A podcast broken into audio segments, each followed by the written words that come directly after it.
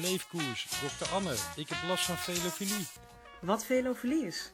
Ja, daar is eh, in de loop der jaren menige patiënt mee geïnfecteerd geraakt. Het is een eh, zeer besmettelijke ziekte met als belangrijkste symptoom een hele hoge koerskoorts.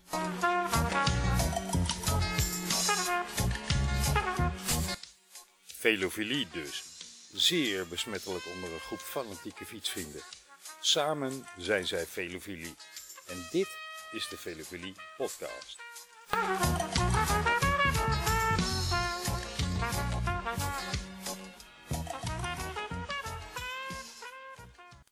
Jee Don, ik eh mis de Vuelta eigenlijk nu al. Hij is nog niet eens afgelopen. Nee, het is zaterdagavond. We hebben een prachtige etappe achter de rug. Daar komen we zo nog wel even op. Maar eh, mij bekruipt al een eh, groot gevoel van leegte. Nu al. Ja, nu al. Gelukkig komt er nog wat moois aan, namelijk het WK. Welkom allemaal bij een nieuwe uitzending van de Velofilie podcast. Leuk dat jullie allemaal weer luisteren. En ehm, we gaan het hebben over de terugblik op eh, de Vuelta. Want hoewel het zaterdagavond is en er eigenlijk morgen nog van alles zou kunnen gebeuren. Dit is nog een eh, prachtige etappe, joh, morgen. Ja, sprintertjes. Dus eh, we gaan ervan uit dat we een definitieve klassementsopname hebben nu. Ja, ik zeg dit. Ik heb eh, vooral sprinters in mijn team zitten. Ik heb er ook een aantal. En daar ben ik blij om, want daardoor kan ik misschien ons poeltje nog net winnen. Ja, Het zal erom er- hangen. Zit er voor mij niet meer in. Ik heb nu eh 12 puntjes meer dan eh, onze oude Dibbes. En ehm, die had vandaag moeten toeslaan, wilde je de pool winnen, zeg mijn gevoel. Maar hij heeft wel Quintana en die heb ik niet. Die staat nu vierde. Dan krijg je ook een paar puntjes voor. Daar krijg je nog wel een, eh, een pak punten voor je. Ik vrees dat het eh tour scenario, maar toen ging ik iets eerder van de kop af. Maar eh, Toen dat ben ik nog over je heen gegaan. Toen ben jij nog over me heen gegaan, ja. Ik heb nog pijn in mijn rug. Maar goed, het is zaterdagavond, dat moet kunnen. Nee, we gaan, we gaan terugblikken op een aantal ehm, eh, schitterende etappes. We waren voor het laatst bij jullie op dinsdag. En dat was de rustdag. En nu gaan we terugblikken op etappe 17, 18, 19 en die van vandaag nummer 20. En we gaan vooral nog even een woordje wisselen, denk ik, over die van gisteren. Ja, maar sowieso. Er is echt wat gebeurd, hè, afgelopen vier dagen. Zo, goedemorgen. Er zijn echt mooie etappes geweest. Waaiers. Op papier dachten we, dit worden de saaie etappes. Ja. Maar dit werden dus de, de meest waanzinnig spectaculaire etappes. Ja. Je puntje van je, van je bank. Nou ja, ik dan op, van mijn bureaustoel. Laat je baas het niet horen. Nee, ja, de, de, die zat ernaast. de, de Vuelta heeft absoluut geleverd. Hè, want het was by far, zeg ik. Ook al kun je misschien een discussie eh, hebben over het deelnemersveld en de sterkte daarvan en noem alles maar op. Ja, ik vind het een prachtig deelnemersveld hoor. Ik vond het by far de, de, de mooiste ronde van dit jaar. Ja. En elke dag was het raak. Goedemorgen. Dit hadden we van tevoren echt niet, niet Nee. gedacht hè. Gooi er maar een kwartje in en kijk maar welke plaat er uit de jukebox komt. Dat werkt. Heerlijk. Daar gaan we het dus allemaal even over hebben. We beginnen, Don, bij eh, etappe 17. Die was woensdag hè.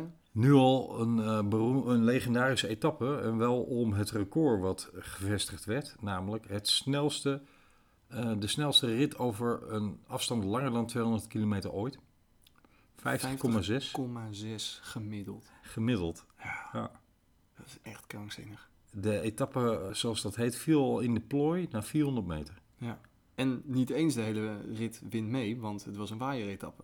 Het, de, de humor was, het ging zo verschrikkelijk tekeer dat uit die eerste waaier, dat waren een man of 40, hè, vervolgens ook nog weer waaiers ontstonden. Want daar wapperden er ook nog weer mensen uit, waaronder Jetse Bol, die in eerste instantie mee zat. Helaas. Maar het, eh, het, het simpelweg niet vol kon houden, helaas inderdaad.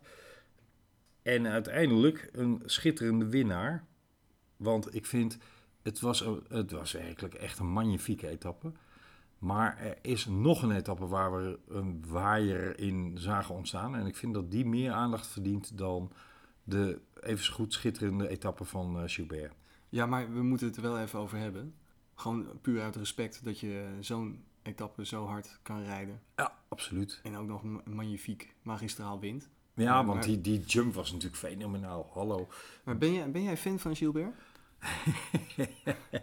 Sinds hij zijn haar blondeerde heb ik daar enigszins moeite mee. Jij noemt hem wel eens die blonde. Die blonde noem ik hem altijd. Maar ja. jij noemt wel eens meer gasten die blonde. ja, Altijd verwijzend naar. meestal zijn het wat oudere eh, coureurs. ja. Het eh, cyclisme engin. Maar anyways, laten we even al die, al die waaiers overslaan, want dat, dat heeft iedereen wel gezien. En dat was echt om te smullen. Heerlijk. Twee heel opmerkelijke zaken. Vooraf had Roglic nog in een interview gezegd... Nou, het wordt oorlog vandaag en wij gaan eh, die oorlog mee helpen aanwakkeren. Vervolgens zaten er een aantal gasten van Jumbo mee in die eerste waaier. En die kwamen daarna 800 meter of zo al achter. hey, we missen iemand. En die moesten zich alle minuut weer af laten zakken. Dat is ook wel opmerkelijk. Ja, omkijken is een kunst, hè? maar hoe krijg je het voor elkaar om... eh, want als je de rode trui hebt, sta je dus ergens voor in, in het startvak. Hè? Dat, eh, ze staan meestal met alle truien op een rijtje eh, vooraan. Dan ben je dus de neutralisatie doorgereden. Dan krijg je het startsein, go, veld gaat los. 400 meter verder rijden er 40 man eh, voorop.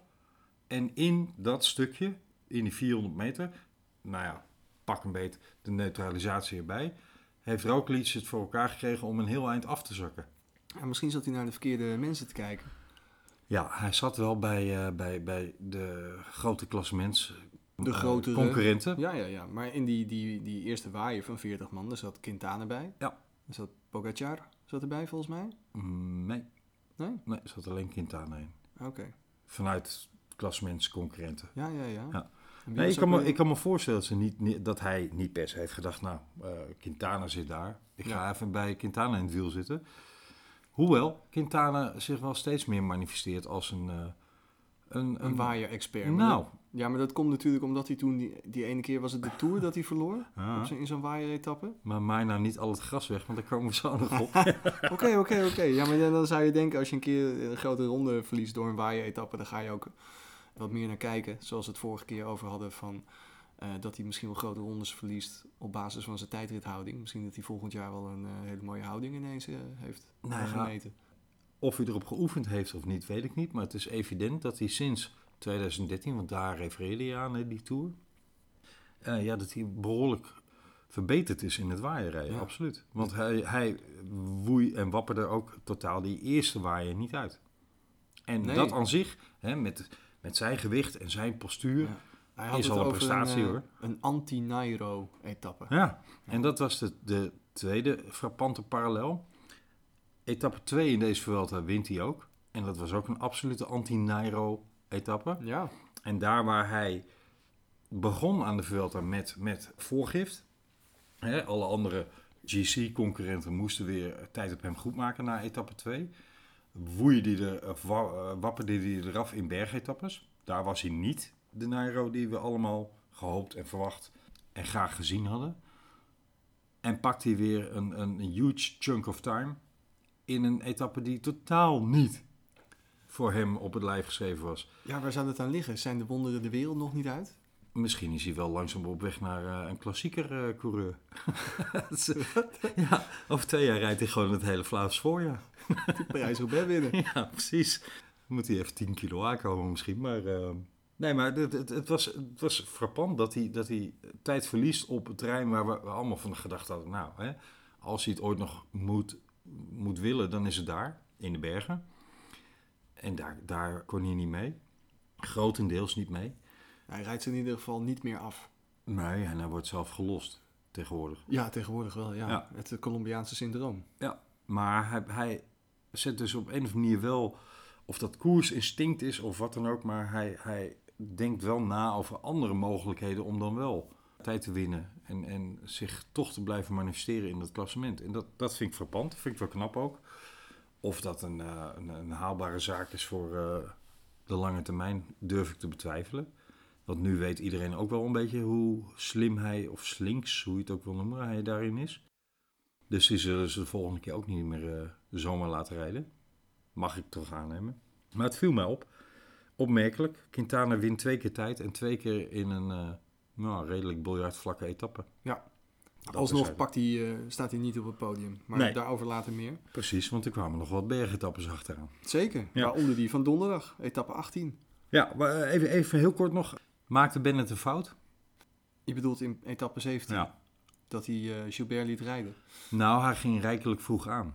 Ja, Stibar Ja. ging, eh, Stibar ging hè, in eerste instantie.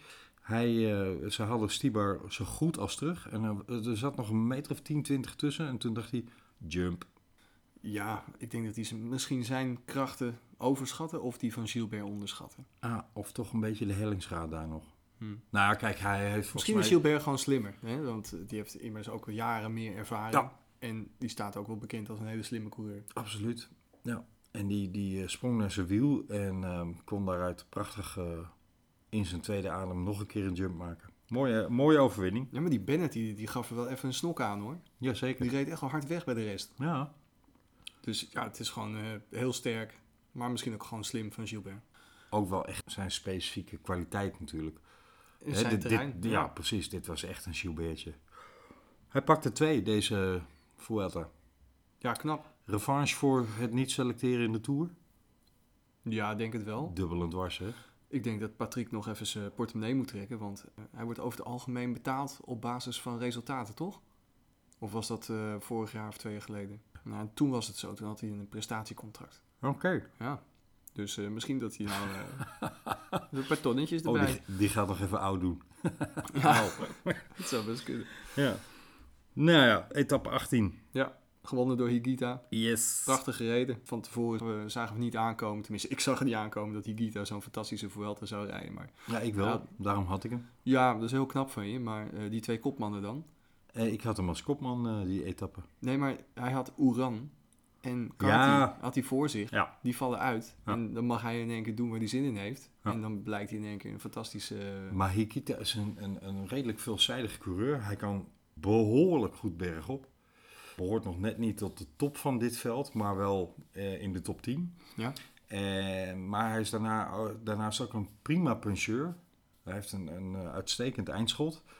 En volgens mij ook wel een behoorlijk koers in zich. Dus ja, dat is echt zo'n jongen die op, op veel vlakken in kan zitten in zo'n eh, parcours als de Vuelta dit jaar had. ja, ik vind het mooi. Eh, hij was mij nog nooit opgevallen. Ja. En deze Vuelta hij eh, mij behoorlijk eh, in het oog gesprongen. Ja, ik niet? ga hem in de gaten houden in de toekomst. Is pas, als ik me niet vergis, vier maanden prof, hè? Echt waar? Ja, zoiets. Zo. Vier of vijf, zes maanden. Nou, heel kort in ieder geval. Dat is een aardig debuut. Dat eh tikt lekker aan zo. Ja, ik merkte dat Michel en José, die eh, vonden zijn knuffel, eh, knuffelgehalte nogal eh, leuk. dat hij Ja. zo'n lief, lief kopje heeft, en, een beetje zoals, zoals Chavez. Ja, of Benal. Daar hadden ze ook wel datzelfde Ja, ja. sympathische... Maar hoe lang nog voor Bernal? Want die, die gaat, over een paar jaar ziet hij er weer wat ouder uit. Nou, kijk, wat nu de, de, de humor van deze veld is, dan wijk ik even af van ons termijn, maar de humor van deze veld is dat we in de knoop komen met, met, met winnaars de komende jaren. Hm. Want als Benal zeven keer de Tour wint en Pogacar zes keer en Hikita misschien drie keer, zie ik ook nog wel potentie. Dan zijn we twintig jaar verder. En Evenepoel ook nog acht keer. Dan hebben, hebben we ergens in eh, 2040 een, eh, een, een nieuwe winnaar eh, qua andere generaties. dus de komende jaren worden, worden Ja. leuk. Evenepoel die kan nog twintig jaar lang de Tour winnen. Ja, als Zou je je kunnen Valverde als basis neemt, zeg maar. Ja. Maar goed, we gaan door. Hikita dus, ja, mooie etappe, schitterend. Eh reed weg uit de kopgroep. Nou, opmerkelijk was dat eh Pogacar die etappe eh, een minuut verloor op de andere mannen. Ja. Eh, Quintana trouwens ook, hè? Ja, dat was minder opmerkelijk. Ja, maar, maar, Pogacar vond ik wel heel opmerkelijk. Ja. Want die eh, presteerde tot nu toe de, de hele Vuelta echt fantastisch. Maar daar verliest hij in één keer een minuut. Kan hij, niet, kan hij het niet meer bijhouden. Nee. En, nou goed, dan loop ik op de zaken vooruit dat in etappe 20 van vandaag weer het hele zootje... eh, niet, niet doen, niet vooruitlopen. Oké, oké, oké. Eh, iedereen kent zo- de uitslag al, maar... Komen we zo dan even op terug. Ja. Ehm, Maar jij zegt, nog? jij zegt opmerkelijk, maar ik vond het juist aan zich niet opmerkelijk. Die jongen is 20. En in tegenstelling tot, eh, nou ja, we hebben Evenepoel geen grote ronde zien rijden. Maar je mag toch eigenlijk verwachten juist van iemand van 20 dat hij niet constant is. En dat hij eh, weliswaar misschien de eerste anderhalf, twee weken weergeloos rijdt. Maar dat hij een enorme terugval kan meemaken. Ik vind het juist, juist eerder in de lijn van de verwachting liggen, in de reden Ja, liggen. Oké, maar misschien was de terugval niet eens zo groot. Een minuut is, eh, is, is relatief weinig, zeker. Het is Eh, stevig, maar het is, ja. nou ja, hij, hij beperkte de schade, laten we het zo zeggen. Maar het was onverwachts, omdat hij ook de dagen ervoor enorm goed aan het rijden was. Deze had ik in ieder geval niet zien aankomen. Maar- Ja, De, de ouderwetse mindere dag. Ja. Nou, Hikita wint hem dus heel mooi. Ik vond het knap trouwens dat hij, eh, dat hij eh, de, de GC-mannen gewoon voorbleef. Oh, zeker. Ja, er waren al een eh, aantal etappes geweest dat de vluchter het niet eh, haalde op de laatste berg. Maar Hikita, die hield het wel vol. Als je hem ook zag stoempen, die berg op. Ah. Ging hard. Ja, het ging echt hard. Ja. En Zonder bedenk, booms. be- bedenk wel, Valverde en Roglic, die hadden een duivels eh, ontbonden. En even een pakje gesmeed. Die waren toch de rest op, eh, op achterstand aan het rijden. Dus ja, ja, ja. die vonden, Valverde vond niet echt dat, eh dat Pogacar en Quintana een minuutje verloren. Nee, daarom. Dus ehm, die, die hadden er echt tempo in zitten. En toch bleef Hikita ervoor. Dus Ja. eh buitengewoon goede overwinning voor hem. Ja. Ook een jong gassie. Hè? En dan, 19. ja, Ja, wat een etappe. Fucking hell. de etappe eh, naar Seat Toledo. ja, ja. Ja. Laat, laten we even bij eh, de, de nuchtere feit beginnen dat Cavagna hem won. Prachtig, mooi gedaan. Ook weer een schitterende solo. Ja, ja, ja, ja. En verdiend.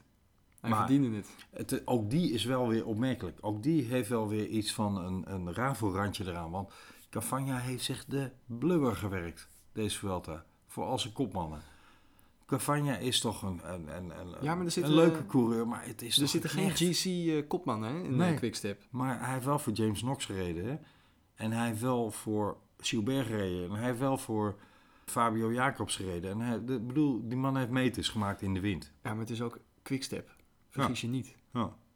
Maar toch, Dat is de ploeg. hij houdt wel even Waarvan alle mannen vol, die hè? voor die ploeg rijden, die zijn berensterk. Ja, en in de winning mood en, en noem alles maar op. Dat werkt, helpt allemaal mee. Maar hij rijdt er een solo waar ik u tegen zeg. En Hij viel wel een beetje stil hè, op het einde. Ja, die, die mooie, einde, ja. die steile uh, kasseienstraatjes van, eh, Ja. van het middeleeuwse Toledo. Maar toen had hij nog genoeg over om hem, eh, om hem te houden. Maar Het was een schitterende aankomst, schitterende plaats ook Toledo. Overigens vond ik het grappig om, volgens mij hoorde ik dat in de Eurosport podcast, dat ze zeiden, ja dat is het leuke aan de Vuelta, dat je ook nog eens plaats tegenkomt die je als toerist anders niet zou. Goedemorgen, Toledo. Ja, Als je Toledo niet kent, dan gaat er toch wel iets mis hoor. nou ja, ik ben er nooit geweest, maar ik heb Ik het, ook nu niet, het maar zo ik heb ken het gezien, wel. Ik zou er best een keertje heen willen. Zeker, Ja. absoluut. Maar het is toch een wereldberoemde plaats, daar ben ik nog gek. Nou, dankzij Seat. Precies. Cavagna won etappe 19 en ehm, dat was s'avonds dubbel champagne, want zo'n beetje de hele top 10 was eh Quickstep. Nou ja, in ieder geval vier in, of drie in de top vier. Precies. Prachtig gedaan. Maar ja, goed, wat gebeurt er Ja. in die etappe? Laten we wel zijn. Het draait eigenlijk in de afgelopen dagen in de Vuelta om, om, eh, om twee dingen. De strijd om het rood, maar die is niet eens zo strijd geweest. Nou, behalve in etappe 19. Behalve in etappe 19. Het is echt- Eh, maar niet in de bergen. maar even, Soever- even voor de... Voor soeverein, eh soevereine Roglic gezien. Maar er is één moment deze Vuelta waar Roglic enorm gezwijnd heeft. Enorm gezwijnd heeft. En dat was etappe 19. leg nou even uit voor de luisteraars wat er gebeurt. Want Ja. eh, ze zien het misschien niet helemaal meer voor zich. Etappe 19 had een punt waar de wind in de rug zou draaien. En omdat iedereen, of eh, ja, in de rug, eh, zeg maar eh, schuin van achter. En omdat iedereen beducht was op dat punt, want tegenwoordig rijden alle ploegen, waar we het in de podcast al wel eens eerder over gehad hebben, alle ploegen rijden met mannetjes vooruit die naar details op het parcours kijken. Hè? Hoe, hoe, loopt die rotonde? Zitten er nog gekke obstakels aan de zijkanten, weet ik veel. Maar ze kijken ook naar de wind. En zo'n etappe waarin van tevoren al een risico bestaat dat er waaiers ontstaan, en dat was deze etappe weer het geval, daar rijdt iemand vooruit en die houdt gewoon in de gaten. hey, je komt een dorpje uit en wat gebeurt er dan?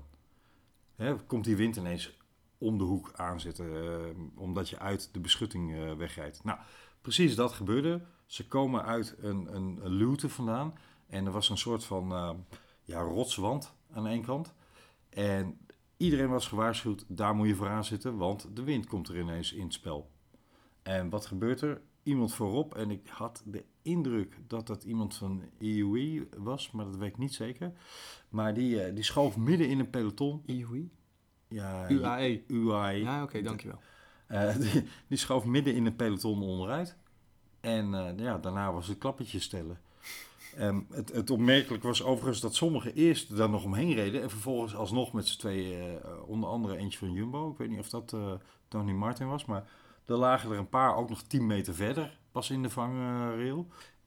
Eh, ja, het half peloton op zijn eh snuffer. Het was een flink valpartijtje. Zo. En een, een valpartij gebeurt vaker, maar het is lang geleden dat ik een valpartij zo uitvoerig van verschillende standpunten heb Ja. bestudeerd. En Want- dat, dat zaten mensen dus op die rots waar ze eigenlijk langs reden. ja, Een meter of tien erboven. En die konden prachtig filmen wat er gebeurde. nou ja, sowieso is iedereen eh, die bij een, eh een, een wieleretappe staat toe te schouwen, staat allemaal met een telefoontje erbij. Tegenwoordig. Ja. Ja, maar in dit geval gelukkig maar, want ik wilde toch wel weten wat hier precies gebeurde. Ja. Want wat blijkt nou? Na die valpartij gaat Moby... Nou, oh, oh, oh, wacht. oh, oh, mag ik daar nog niet eh, heen? Nee, eh, Oh, er valt nog, nog wel even iets over de valpartij Nou, zelf. terwijl jij, jij nog even verder praat, schenk ik nog eventjes eh, bij. Oh ja, nou benoem dan even. Dan ga ik verder over wat het meteen na afloop van die, of na afloop, met, tijdens de valpartij zeg maar gebeurde. En dan kan jij even benoemen welk wijntje we drinken, want het is wel een heerlijke jongen dit. Het is Nou. een uh, Rioja. Ja, Ik kan, ik, ja, ik kan het niet lezen. Cepa Cebrel? Of Cepa Lebero? Het is in ieder geval een, eh, een reserve uit 2013. En eh, hij is gewoon van de Lidl. hij is eh, heerlijk. Van de Lidl. Ja, van de Jo. Lidl. Ze hebben hem ook in het wit. Ik wilde net vragen, hebben ze hem ook in het wit? Nou, ik heb deze wijn gekocht in, op Gran Canaria bij de Lidl inderdaad. Maar toen hebben we hem niet opgezopen, maar mee naar huis genomen. Ja, Ehm, wij, wijn moet je ook niet zuipen. maar ik wist niet dat hij zo lekker was. Hij is, hij is best lekker. Zo, hij is heerlijk. Cheers, Don. Cheers, man. Nee, ja, over de, die valpartij, daar wilde ik nog iets over toevoegen. Wat er namelijk een beetje aan opviel. Los van dat ongeveer ehm, de halve Jumbo-ploeg voor de tweede keer deze, deze Vuelta tegen het asfalt ging. Maar het, het duurde vrij lang voordat, en dat snap ik ook wel, want de ploegleiderswagen zaten er niet meteen achter. Maar het duurde vrij lang voordat Roglic weer op een fiets zat. Hij kreeg er in eerste instantie eentje van een ploegmaat aangeboden. Maar dat vond hij niks. Zal wel eh, net even de verkeerde maat zijn geweest enzovoort. Dat kan ik me wel voorstellen, want hij Ja. is niet de, de grootste. Nee, dus dat, dat luistert misschien wel nauw voor hem. Toen ging hij toch maar even naar zijn eigen fiets kijken, maar die was blijkbaar te beschadigd. En die werd toen door een toeschouwer ook nog even zo over de vangrail eh, gezet. Oh ja, joh. Ja. En daarna heeft hij eventjes tegen de vangrail staan wachten. En, en uiteindelijk kreeg hij een fiets. Nou, ze hadden op een gegeven moment een, een, een achterstand op degene die wel door konden rijden. Van, wat was het? Anderhalf, twee minuten. Maar ik denk dat zeker een minuut daarvan gewoon het oponthoud was. En dat, dat ik opmerkelijk. Want meestal is de, het instinct is om zo snel mogelijk op een fiets. Ja, maar zo zag hij er niet uit. Het was, Nee. ehm, hij was zeker niet in paniek. Nee, oké, maar hij was misschien wel iets te rustig. Dat is juist mijn punt. Hmm. Het ging allemaal op een, op een dode gemakje, eh, voor zover je daarvan kan spreken als je net eh, tegen het asfalt gekwakt bent. Hè? Maar het, het leek allemaal iets te onderkoeld. En eh, daar had wat mij betreft iets meer urgentie in kunnen zitten. Waar zou dat dan kunnen liggen, denk je? Ja, eh, zeg het is drie minuten voorsprong.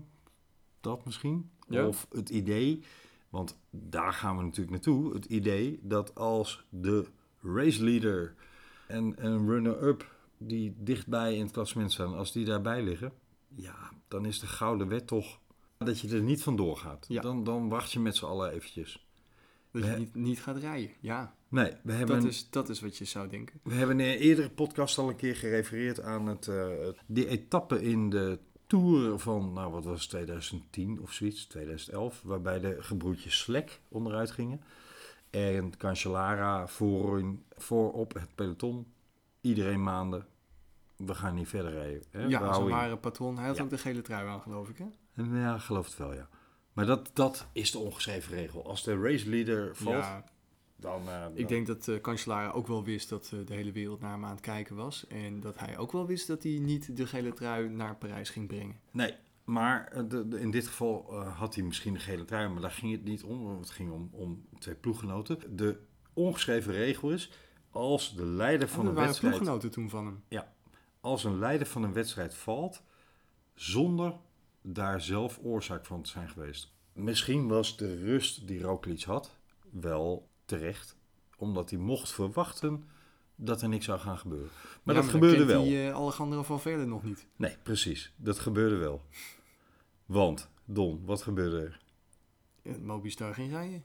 En die is een beetje ook. Die trokken het eh, in de waaier. Ja, behoorlijk. Ja.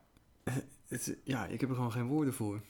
Het, het is een... ehm, ja, ik, ik hou wel van, eh, van sportiviteit in de sport. Gentleman's agreement. eh, het is gewoon... eh, het heeft met trots te maken. Het is... Ja, ik, ik, kan hem niet, ik kan het gewoon niet begrijpen. En wat ik helemaal niet kan begrijpen... Waar ik echt helemaal verbolgen over ben... Is dat ze na afloop op Twitter excuses maakten... Ja. En dan hun plan gingen uitleggen. En dat ze niet hadden gezien dat. eh, Laten we even vertellen wat er Roglic, gebeurde. was gevallen. Ja. En dat ze dan zeggen: Nou, hadden we hem niet gezien. eh, nee. La- Laten we even, even vertellen, want anders dan mist dat punt misschien een beetje. Voor degenen die het niet gezien hebben, kan me niet voorstellen, maar stel dat. Ze gingen langs die valpartij met een divers aantal renners van Mobistar en dachten toen, goh, dat is mooi. We zetten dit spul eens even op de wagen. Ja, maar je zag ook dat er werd getelefoneerd, hè? Dus Die ze, jongens ze, trokken het in de waaier op een klim. ehm, en er ontstond een gat naar de tweede groep, waarbij, waar Roglic in zat en waarbij eh, Lopez ook in die groep zat. En dat gat was op een gegeven moment twee minuten. En er werd vol doorgeblazen door een aantal mannen van Mobistar. Ook niet allemaal, viel me op. Dus eh, dat, dat begreep ik wel, maar Mobistar was er uit alle macht aan, aan proberen om, om een groot gat te laten ontstaan. Tot een kilometer of twintig verder, na die valpartij. En er vanuit de koersdirectie in ieder geval het signaal gekomen was dat er barrage gemaakt mocht worden. Oftewel dat renners mm, achter de volgauto's terug mochten keren. Eh, waardoor het dus een, een stuk makkelijker terugkeren was. Toen was dat overigens al kilometers lang aan de gang, voordat ze dat signaal gaven. Daar is ook na afloop van de etappe nog in jurywagen overleg over geweest. De ploegleiders van Jumbo-Visma hebben daar even moeten uitleggen wat, wat eh, de reden was waarom ze barrage aan het waren zonder dat daar al goedkeuring eh, voor was. Maar op dat moment dat de koersradio zei er wordt barrage gemaakt, toen dacht Alejandro Valverde met alle camera's op zich gericht, goh, laat ik eens wat misbaar maken en een beetje doen alsof ik hier de boel neutraliseer. Ja. Nep. Ja. Dikke Hij deed een klein nep. gebaar met, met zijn handje. Ja, dikke vette nep. Ja. Hè, want dat kwam niet... eh, nou, misschien kwam het wel van hem af, maar alles tot dan toe was in overleg gegaan met de ploegleiding. En jij refereert aan dat de ploegleiding de afloop zegt... ja, we hadden de tactiek al 's ochtends in de bus op weg naar de etappe besproken. Ja. We gaan precies op dat punt gaan we het in een waaier proberen te gooien. Dat is overigens Mobistar deze eh Vuelta dus eerder gelukt. Hè? In, in eh, die etappe van eh Joubert. Daar deden ze het goed. Dat is ook wel weer opmerkelijk. Hebben wij onze voorbeschouwing uitgebreid lopen vertellen... dat als er nou één ploeg niks kan met waaiers, dat dat Mobistar is. En wat doen die knakkers? Ik wou er niet over beginnen. Die flikkeren onze hele, hele maar- voorbeschouwing. nou ja. Maar ehm Mobistar was weer bezig met, met het in een waaier proberen te trekken. En eh, ik moet zeggen, ze hadden er wel degelijk weer succes mee. Pas toen Astana mee ging rijden in de achtervolging, toen begon dat gat langzaam dicht te gaan. Ja, nou ja, Jumbo miste ook Tony Martin. Ja. Die moest afstappen, omdat hij was Ja. met zijn gezicht eh, Juist op dat een, moment werd hij gemist. eh, een middeloze stenen muur aan, eh, aangereden. Die heeft een enorme jaap in zijn, in zijn gezicht. Zijn zijn wenkbrauw die hing ongeveer bij zijn onderlip. Ja. Het zag er echt heel vies uit. Dus eh, de grote motor eigenlijk van Jumbo, die was er al niet meer. Dus ik kan me voorstellen dat ze Astana ook wel nodig hadden.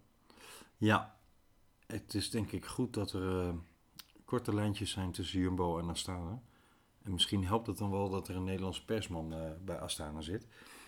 Maar Is dat het het, korte lijntje? Dat je... Nou, ik, ik, ik heb het idee dat Astana deze Vuelta wel vaker eh, goed van pas gekomen is. Ja, absoluut. En dan kun je altijd zeggen, ja, gezamenlijk belang. Hè, want ze liggen allebei. Maar het was niet aan Lopez om dat gat te hoeven dichten. Astana gaat gewoon vol meedraaien. Zo vol dat dat eigenlijk Roglic gered heeft. Want daar had hij dus echt de Vuelta kunnen verliezen. Zou daar ook de hand van eh Fino in zitten? Zou het? Ik weet niet. Zou Vino het zo oneervol hebben gevonden van Mobistar? Ja, ik weet wel dat het Is- halve peloton pissed off was. Is het een man van eer? En degene die het meest pissed off was, was misschien wel eh Miguel Angel Lopez. En dat leidt dan mooi naar de natte vinger. Je maakt je vinger nat, je steekt die op. En als die terug wordt, dan is het goed, hè? De natte vinger. De sappigste quotes uit het wielerpeloton. De natte vinger. De sappigste quotes uit het wielerpeloton. Ja, Ik dacht, doe ik hem een keertje. ja de natte vinger is eh, dit keer onmiskenbaar van Miguel Angel Lopez. Want die eh, had er wel een paar ten aanzien van Mobistar na afloop van die, eh, die etappe naar Toledo. En hij zegt het volgende: Movistar is onrespectvol. Ja, dat zei hij overigens niet in het Nederlands, hè? dat begrijp je. Oké. Het is zo typisch van ze dat ze hier weer van proberen te profiteren. Die idioten spelen het spel altijd op een stomme manier. En dan gaat hij verder met: eh, We weten hoe ze racen. Ik word kwaad als ik zie dat de wereldkampioen op een manier als deze koerst. En dan sluit hij sarcastisch af met: Wat een wereldkampioen hebben. we." Nou, Oh, wauw. Ik, Ik- had dit nog helemaal niet gehoord. Nee? Oh. Ik vond het, eh, ik vond het leuk, ik vond het pittig. Ik, ik moest meteen weer terugdenken aan dat slap-incident in de, in, de, in de Giro. Ik hè, daar heb je Lopez weer, dat vuur. eh. Superman. En wat doet hij s'avonds? Ja, oké. Laffe hond.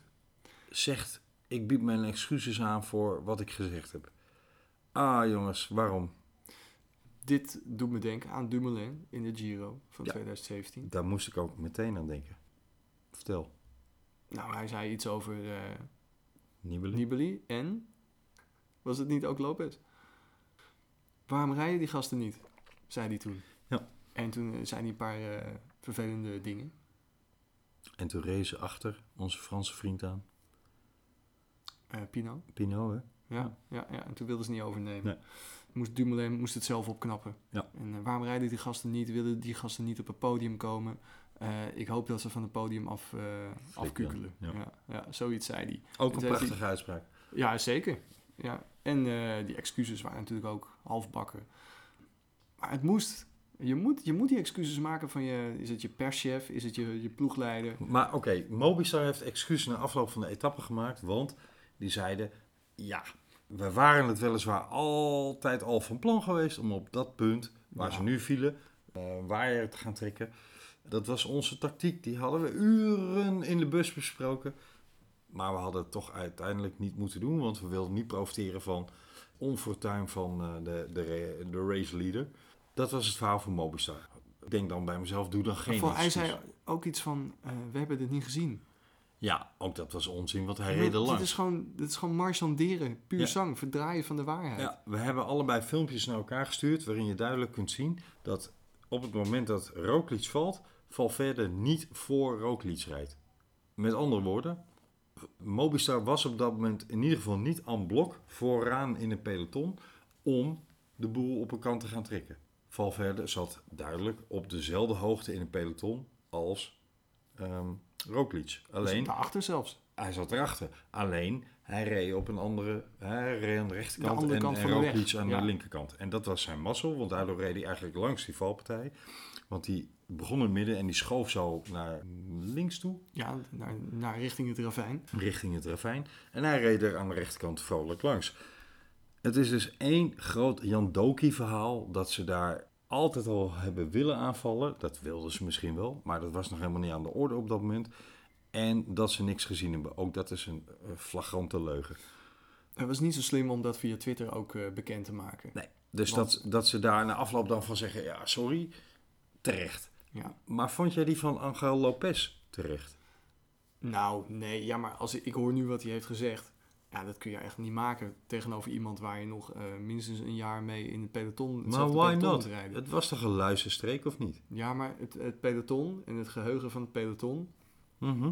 hè, wat jij altijd eh, zegt, Ja. zoals nu ook eh, de, nou ja, de, de verwijzing naar 2013 Tour Belkin versus Mobistar. Ja, leg die even uit. Leg die even uit. Nee, dat mag jij doen. Maar het geheugen van het peloton, je kan niet dit, dit is echt heel beledigend. Hij zegt gewoon met, met die paar zinnen, Die hele regenboogtrui trekt hij helemaal aan, die scheurt hij helemaal aan flarden. Ja, maar Valverde heeft een reputatie in het peloton. Ja, oké, En maar... Niet, niet alleen een reputatie vanwege iets met eh, de naam van zijn hond ergens op. Maar ook een reputatie als zijnde iemand die niet per se aan al die erecodes gevolg heeft. Hè, hij heeft de naam aan zich dat het een beetje een klootzakje is. Ja, maar normaal gesproken ga je dat niet uitspreken. Nou, ook daarover is een soort eh, omerta. Nou oké, maar ik vind het dan juist, ik vond het juist prachtig dat juist Angel Lopez dat wel deed. Want refererend aan dat incident in de eh, Giro, hij is een impulsief mannetje. Hij heeft blijkbaar eh, zijn emoties af en toe hoog zitten. En dat wilde hij dan uiten. Dat En, hebben we dit ja. jaar wel gezien, ja. Ja. Ja. Dus ik dacht, nou, ik, vind het eigenlijk wel mooi, eh, die, dat vuur, die passie. En, en hè, hè, eindelijk iemand die gewoon zegt waar het op staat. Namelijk dat het een stelletje klootzakken waren. Die profiteerden van het feit dat een, een aantal andere coureurs op de grond lagen. Waar ze het op een andere manier niet hadden kunnen winnen. Maar, Ja, ik, ik, ja, ik moet hier ook van glimlachen en ik vind het geweldig, maar het, dat is puur entertainmentwaarde. In werkelijkheid kun je dit niet maken. oké. Maar dan ga ik advocaat van de duivel spelen. Het is goed dat Angel Lopez zijn excuus aangeboden heeft.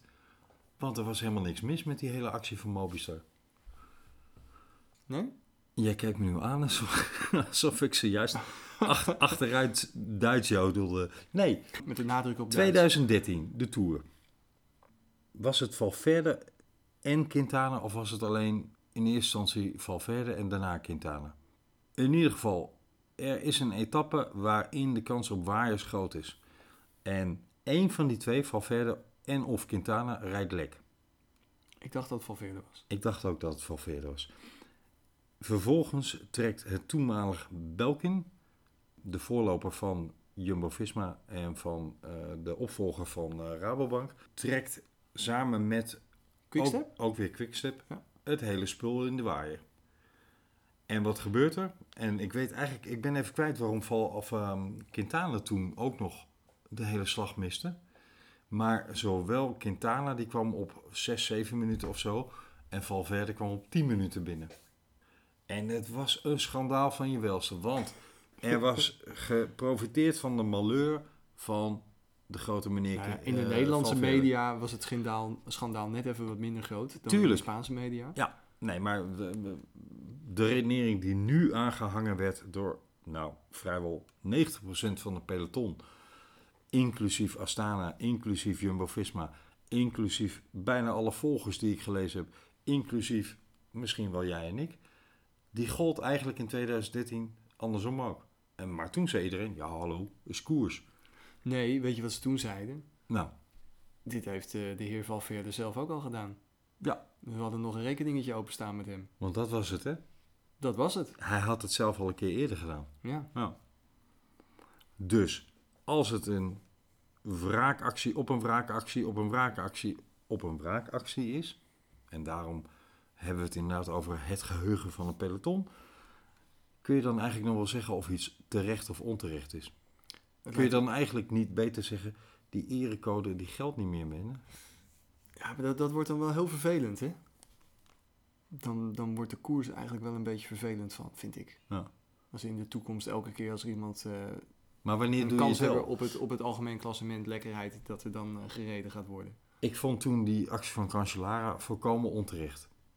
Onderdeel van de koers winnen is dat je op je fiets blijft zitten. En als je dat niet lukt, en dat is niet door externe factoren, overstekende helikopters en andere malheur, of je ketting klapt eraf, zoals Contador en Slek hadden in diezelfde tour, dan, dan vind ik dat je gewoon door moet mogen koersen. Eigenlijk. Maar als dan het gentleman's agreement, hè, ehm, wat we ook in het verleden bij Ulrich en Armstrong hebben gezien.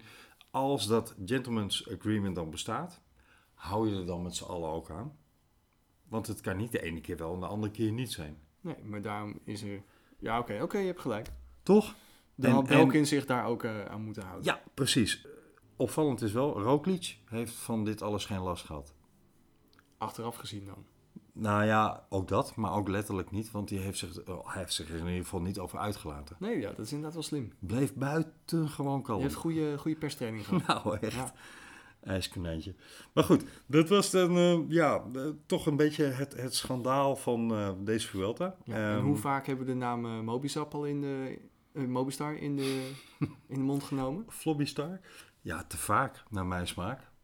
Ja, Maar- die gaan misschien nog wel een simkaartje of twee extra verkopen nu. Ja, nee, dat, maar de, de- het verdiende geen schoonheidsprijs, dat is duidelijk. En ze hebben er geen vrienden mee gemaakt. En dat is nou precies waar Jumbo eh, les uit kan trekken. En dat is precies waar de Koning Quickstep bijvoorbeeld heel goed in is. Hoe win je en hoe domineer je een koers? Hoe pak je eh, in het geval van Jumbo 46 overwinningen tot nu toe. En in het geval van Quickstep 63, 64? Onwijs veel. Misschien wel. Hoe pak je zoveel overwinningen zonder dat het halve peloton je voortdurend in de greppel probeert te rijden? Hè, want uiteindelijk, laten we wel zijn, als een, een, een ploeg als de Koning zoveel wint, ja, dan neemt de sympathiefactor niet toe. In het algemeen, toch? Ja, dat klopt. En dat gebeurt dus doordat die renners daarmee bezig zijn. Omdat ze bezig zijn met connecties, vriendschappen, babbeltjes, noem maar op. Ja, misschien maar rij ik volgend jaar wel voor Quickstep, Nou. denken ze. En waar is Mobistar nou verbijsterend slecht in? Of eh, juist heel goed? Vriendjes maken.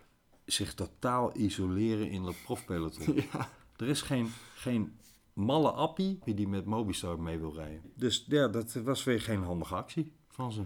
Ja, het is ongelooflijk hoeveel mensen schande riepen na Ja. afloop. Dat- Dat bedoelde ik met, eh, dat is niet zo handig om het op Twitter eh, bekend te maken, want dan kun je gaan retweeten en, eh, en antwoorden. Ja, precies. En er waren wel duizenden retweets met de jongens, wat jullie klets uit jullie nek. Nou is het wel zo. Twitter is natuurlijk wel de bron van beschaving in... ja, oké. Je moet daar ook niet te veel gewicht aan hangen, Nee. inderdaad. Want, eh, die brain farts. Nee, precies. Maar dat leidt ons dan wel mooi naar de etappe van vandaag. Met de wederopstanding. Van Pogacar. Nou, Ja, Tadej Pogacar. you win some, you lose some, and then you win some more.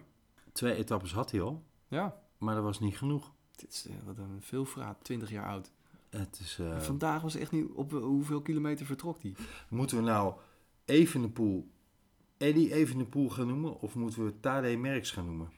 Ja, ik vind, allebei allebei. niet, ik vind allebei niet echt klinken, maar... Het klinkt van gemeten, maar het gaat om, om hè, het perspectief wat er... eh, ja, maar dit zou zomaar kunnen dat er een legende in de maak is, Nou. eh, die Pogacar. Hij vertrok op 38,7 kilometer. Ja. Hij vertrok op een moment dat ik dacht, oei, dat is vroeg. ja, het is krankzinnig. Ja. Na zo'n lange etappekoers, dat hij zoveel heeft gepresteerd, Ja, dat hij nog eventjes zo'n solo eruit eh, perst. ja maar de- juist door die inzinking van twee dagen ervoor, dacht ik, oeh, dat ga je niet houden, jongen. En er ging niemand mee. Dat was zijn pech. Ja. Ik dacht, hij had misschien gehoopt. Of kon er niemand mee? of wilde er niemand mee, omdat ze dachten, oh, die jongen die gaat wel een inzinking krijgen.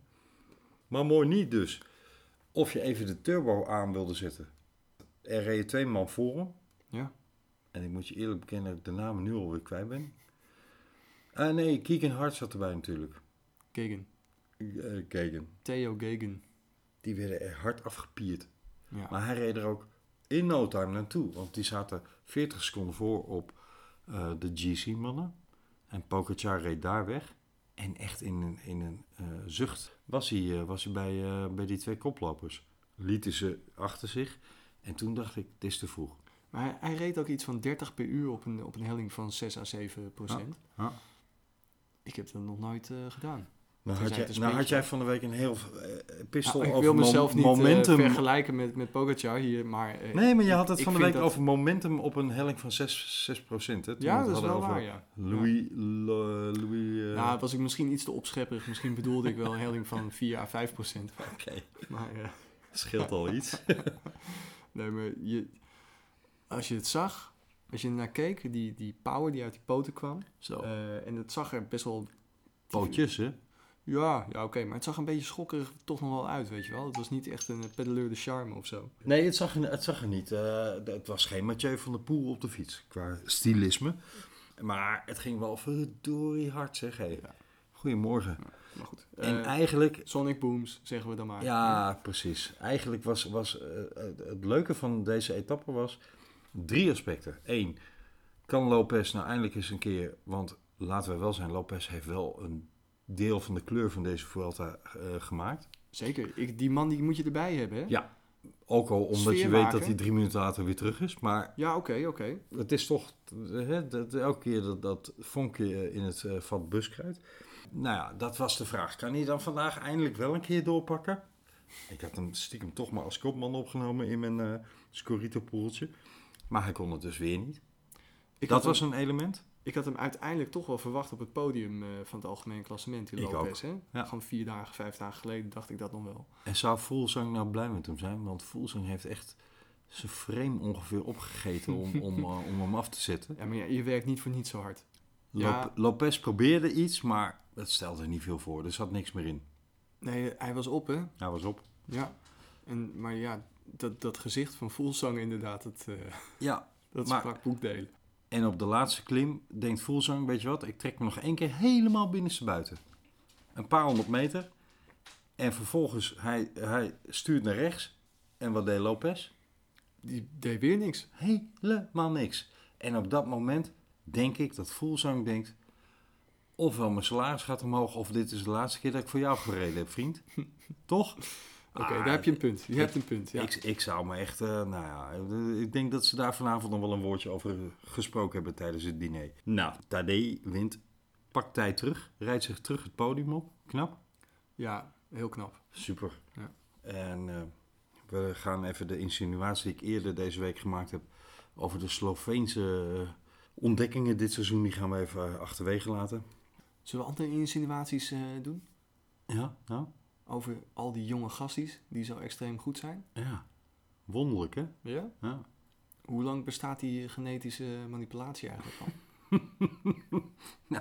Blijkbaar al een seizoen of wat. Ja, dat schijnen die Chinezen dus ook te doen. En daardoor hebben ze van die zwemmers die, eh, die Ja. extreem atletisch gebouwd zijn ineens. Ja. En hebben ze een paar van die basketballers van 2 meter eh 30.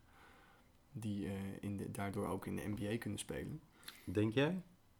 Oh, het, pff, het schijnt. Huh? Het schijnt. Ja, die Chinezen die zijn er behoorlijk mee aan het eh, experimenteren. En vast niet alleen.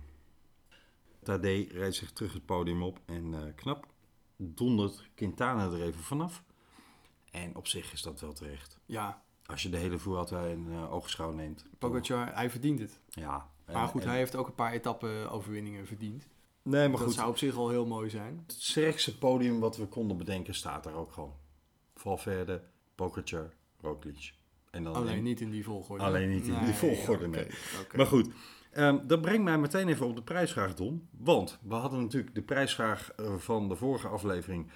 Voorspel de einduitslag van de Vuelta met de juiste nummer 1, de juiste nummer 2 en de juiste nummer 3. Ja, want eh, oké, er is nog één etappe te gaan, maar die kunnen we nu wel vaststellen. Ja. Oké, En we hadden daar een, eh, een leuk aantal inzendingen voor. Maar wat was nou het geval?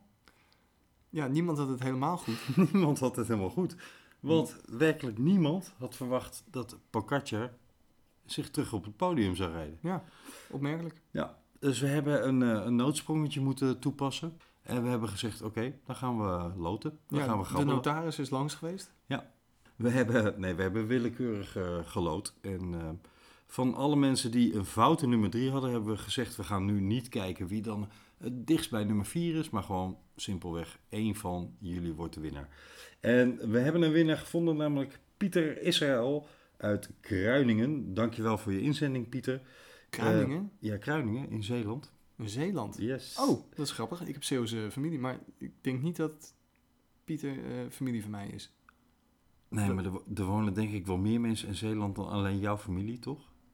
Nou, het is best wel wijds en eh, het is niet heel dicht bevolkt hoor. Nee, dat is waar. Dat is waar.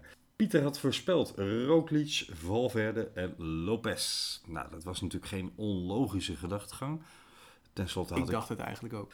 Wat je echter niet hebt aangegeven, Pieter, en we hopen dat je daar even snel op wilt reageren, is of je een flesje Garanta Itres of een flesje Crema Catalana wil ontvangen. Pieter heeft wel zijn adres erbij gezet, dus het is duidelijk dat hij wel iets wil ontvangen, maar we weten nog niet wat. Ook dat kunnen we bij loting doen, maar Pieter, als je dit hoort, stuur ons even snel een eh, bericht. En dan eh, kunnen we het flesje van jouw keuze naar je toesturen. Gefeliciteerd. En we gaan een nieuwe prijsvraag doen, Don. Alweer? In de voorbeschouwing die wij één deze dagen al gaan opnemen voor het WK. En dan gaat die prijsvraag gerelateerd zijn aan het WK. Dus voor deze aflevering doen we even geen prijsvraag. Ten slotte is de Vuelta afgelopen en dat moet je niet met een prijs willen vieren, vind ik. Ja, we lopen ook immers leeg op eh, al die prijzen. Zo, goedemorgen. Ja. Hè? We hebben weer een paar eh, sponsors nodig voor onze prijs. Ja, bij deze een oproep. Ja, voel je je geroepen om ons te sponsoren? Het zij met biertjes die wij tijdens de podcast eh, kunnen nuttigen en reviewen voor je. Het zij met een prijzenpakket wat we weer eh, kunnen uitdelen. Dan eh, meld je aan. velofiliepodcast.gmail.com Dat is de eerste keer, hè, deze uitzending. Overigens, heb je vragen aan mij of Don? Of wil je een rectificatie sturen? Dat doen we niet aan, maar toch. Of heb je gewoon een tip of een truc of een opmerking of een kritische noot? Het mag allemaal. velofiliepodcast.gmail.com of velofilie op Twitter. Laten we nog heel even kort, Don, onze blik werpen op ehm, Groot-Brittannië. Want Mathieu de Grote was aan het heersen daar, zeg. Ja, dat is over voorbereidingskoersen voor het WK eh, gesproken. Dit is natuurlijk bijna hetzelfde parcours. Ja. Die Mathieu die heeft echt huis gehouden. Hij Zo. heeft drie etappes gewonnen. Hij heeft uiteindelijk de hele ronde gewonnen. Hij heeft ehm, sprints gewonnen. hij heeft, eh, ja, hij, hij stond, ik wil niet zeggen dat hij er alleen voor stond, maar vandaag in de finale, eh, vanaf zo'n 15 kilometer voor het, voor het eind, heeft volgens mij geen ploeggenoot van hem meer echt eh, heel, heel erg hard werk eh, gedaan. de ploeg heeft wel goed werk gedaan. Ja, oké, maar ze waren Het is volgens zijn mij... klasse de- waardoor, het, waardoor het afgemaakt Volgens mij hadden ze al hun kruid verschoten. Toen moest hij alles zelf gaan doen. En hij heeft, ik denk wel, vier, vijf aanvallen gepareerd. Ja. Voordat hij uiteindelijk Zeker. een magistrale sprint eh, op een licht hellend vlak won. Ja. eh, van Kees Bol en eh, Wie, Trentin. wie heeft er langs een lap tong uit zijn mond hangen? Ja, die Kees Bol die heeft wel een flinke tong, zeg. Goedemorgen. Dat, hebben, dat heeft de halve wereld heeft dat gezien. Dat was een beetje stier, eh stier Kees. Hij gaf wel een snok aan. Hij ging echt heel hard weg, Ja. Kees. Ehm, van de Poel die kon zijn wiel houden en die ging er overheen. En hij gaf nog even, ze gaven elkaar een beetje een, een kwakkie. Maar Kees dat- Bol ging een heel klein beetje van zijn lijn af. En Ah. Mathieu die week geen millimeter van, Ja. van zijn lijn. Dus eh, die, die knalde een beetje tegen elkaar op. Maar alsnog bleven ze doortrappen. Eigenlijk allebei wel. Die Kees Bol net iets minder dan, eh, dan Van de Poel. Ja, maar. Mathieu bleef gewoon full power doorgaan. eh. Ja. Die was niet bang om te vallen. Maar op, de, eigenlijk zat het winstpunt in het moment dat Kees Bol aanging. En Trentin in het wiel zat van Kees Bol. ja, maar die kon hem niet houden. Die kon hem niet houden. En Mathieu manoeuvreerde zich daar heel netjes tussen. Ja. En dat maakt dat hij, dat hij kon winnen vandaag. En dat is koerslimheid. En dat, eh, ja... Dat Ook een hij- beetje ability. Hè? Tu- ja, tuurlijk, je moet het kunnen. Nee, maar hij heeft dat inzicht en dat, hij heeft de genen al. Ik bedoel, deze jongen. Ik hoorde Michel Wuits vandaag zeggen, of ehm José de Kouwer, een van de twee, wil ik vanaf zijn. Nederland heeft een gepatenteerde winnaar. Ik vond het een mooie uitspraak. Ja, zeker. Want dat is het. Hij, ehm, ik heb het net, net in onze groep gestuurd. Hij heeft volgens mij 21 koersdagen, 27 koersdagen, 11 overwinningen dit jaar. Dat is een aardige ratio. Het is, het is niet... Ja, out of this world, hè? Nou, echt. dat WK, mensen, dat WK, we hebben het al eerder gezegd en we zullen het nog wel een paar keer gaan zeggen de komende tijd. Dat Hoe WK vet zou dat zijn? smullen. Hoe vet zou het zijn dat Van de Poel in zo'n regenboogtrui zou kunnen gaan rijden op de weg? Ja. Terwijl hij maar 27 koersdagen meedoet. maar even als Pogacar gaat rijden, hoe vet zou het zijn dat Pogacar in dat ding rondrijdt? Of hoe vet zou dat, het zijn dat is ook vet. dat Remco Evenepoel in dat ding rondrijdt? Dat is ook leuk, eh, maar die gaat hem nog wel een paar keer winnen. Ik wil Van de Poel er nu in zien. Ja? Want misschien Oude gaat hij hem in de, chauvinist. in de toekomst... Nee, maar het is, niet, het is niet eens echt een Hollander. Hè? Het is, hij is meer Belg dan Hollander. Ja. Maar gelukkig rijdt hij wel voor, de, voor onze drie kleur. Ja. Ehm, en het, ik ben gewoon fan van die gast. Hé, hey, maar wat denk jij? Nou heeft hij de Trentin een paar keer opgelegd. En Trentin had dat prachtige gebaren gisteren. Volgens mij in, in de sprint waarbij hij van de poel keek om. Het was een sprint, sprintheuvel op. Van de poel keek even om. En ehm, Trentin maakte dat duimpje van haar. Van, Ja, was het een goed duimpje? gedaan. Ja, ik zat hem op mijn telefoon te kijken. En daarna reed Trentin over de finishlijn en hij hief zijn handen zo van in een gebaar van... Wat kan ik hier in vredesnaam nog aan doen?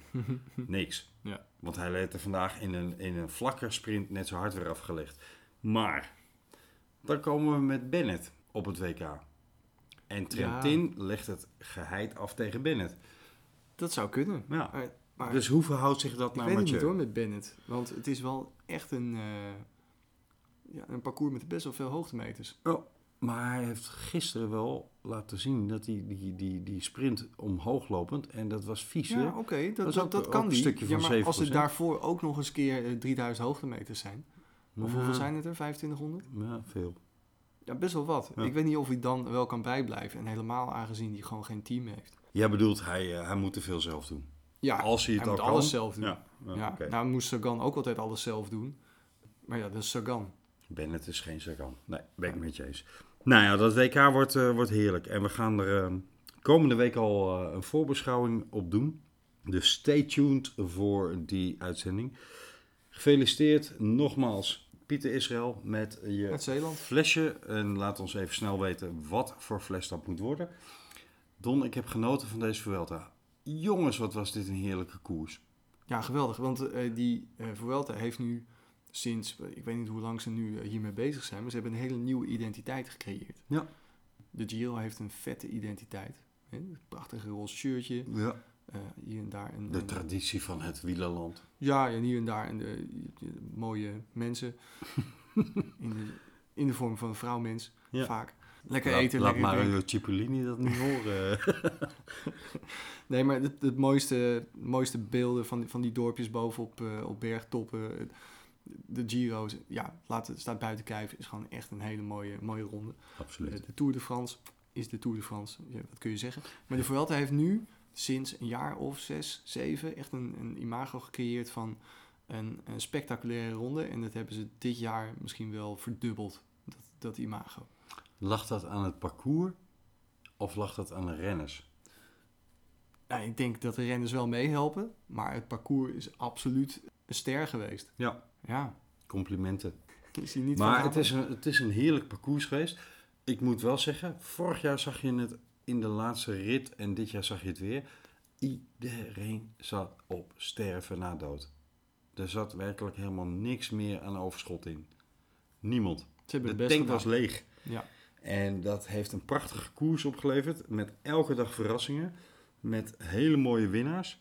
Met een podium waarvan je zegt, daar zitten opmerkelijke aspecten aan. Ik vind Valverde op zijn 39ste op het podium als nummer 2 opmerkelijk. Een nummer 3 van 20 jaar is ook opmerkelijk. Ook opmerkelijk. Roglic die zijn eerste grote ronde wint. Ook in die zin opmerkelijk, omdat hij ja, eigenlijk vooruit loopt op de planning. En Roglic, dat is grappig. Nou ja, hij zou Kleine de Giro winnen hè, begin dit jaar. Of begin Roglic heeft vorig jaar, toen hij zijn contract verlengde bij Jumbo, gezegd... vooruitkijkend in de tijd, ik wil dit jaar, vorig jaar dus 2018... gaan voor etappe-overwinningen. En dat heeft hij in de Giro en in de Tour gedaan. Hij zei in 2019 wil ik gaan voor het klassement in de Giro en etappe-overwinningen. En dat heeft hij gedaan. Hij werd derde in de Giro, maar hij wint nu de Vuelta. En in 2020, zei hij dus twee jaar geleden, wil ik de Tour winnen. Mooie planning. Nou, Ja, dat belooft veel voor volgend een jaar. spel tussen te krijgen. Absoluut. We zijn er doorheen, Don. Het was mij eh, Ja. een waar Ah, ja, genoegen. ik wil je nog iets vragen. Nou, Jij zegt iedereen zat er helemaal doorheen. Zat jij er ook een beetje doorheen? ik, eh, ik, ik zit er nu doorheen, omdat de Vuelta afgelopen is. Oké, maar had jij niet eh, de Vuelta nog een weekje door willen laten gaan? Ja, absoluut. Ja? Mensen zien het niet, maar je hebt een rode polo ik, heb ik heb speciaal voor deze uitzending een ro- een rode polo aan. Ja, dat klopt. Goed je- dat je dat opmerkt, man. Dus jij voelt je ook een beetje een winnaar, zo na deze Vuelta. Ik eh, sta tot nu toe eh, nummer 1 in ons uh, Scorito-pool. Dat is wel een rode trui waard. Dus ik voel me tot nu toe een winnaar. Al moet ik morgen zien met de eindopmaak of ik dat nog steeds blijf. Ja. Maar eh, nee, ja, ik heb genoten van deze Vuelta, absoluut. Wie denk je dat er morgen gaat winnen? Bennett. Buiten kijken. Ja? Ja. Wel de sterkste sprinter. Het is goed dat Fabio Jacobsen hem uitrijdt, want daar wordt hij een veel betere coureur van. Maar nee, Bennett. Daar sluit ik mij bij aan. Even een slotvraag. Rijdt Caviria eigenlijk nog om? Of is die afgestapt? hij, vol- hij zit nog op zijn fiets als het goed is. Ja, hè? Ja, Ja. maar lekker anoniem. Ja, hè? Die is echt, die is echt geen meter in beeld niemand heeft opgelet. Ik denk dat hij met het WK baanwielrennen bezig is. Ah, dat zou kunnen. Het was mij eh, genoegen, Don, om met jou samen veel tijd aan de Vuelta te besteden. We Ja, gaan... is gelijk, Camille. Het was een eh, mooie Indian summer. We hebben mooie warme dagen gehad. Vandaag was het ook weer heerlijk. Ja. De zon scheen. Ik heb zelf ook nog lekker eh, wat kilometers gemaakt, ondanks het katertje van gisteravond. Laten ik wij wil daar- klinken. Ik wil erop klinken. Noterrages. En we kunnen niet afsluiten met eh Alla Proxima Ves. Nou ja, maar wel waarom met eh, Yorkshire, Here We Go. Hasta la próxima vuelta. Bedankt voor het luisteren weer. En tot de aanstaande voorbeschouwing op het WK.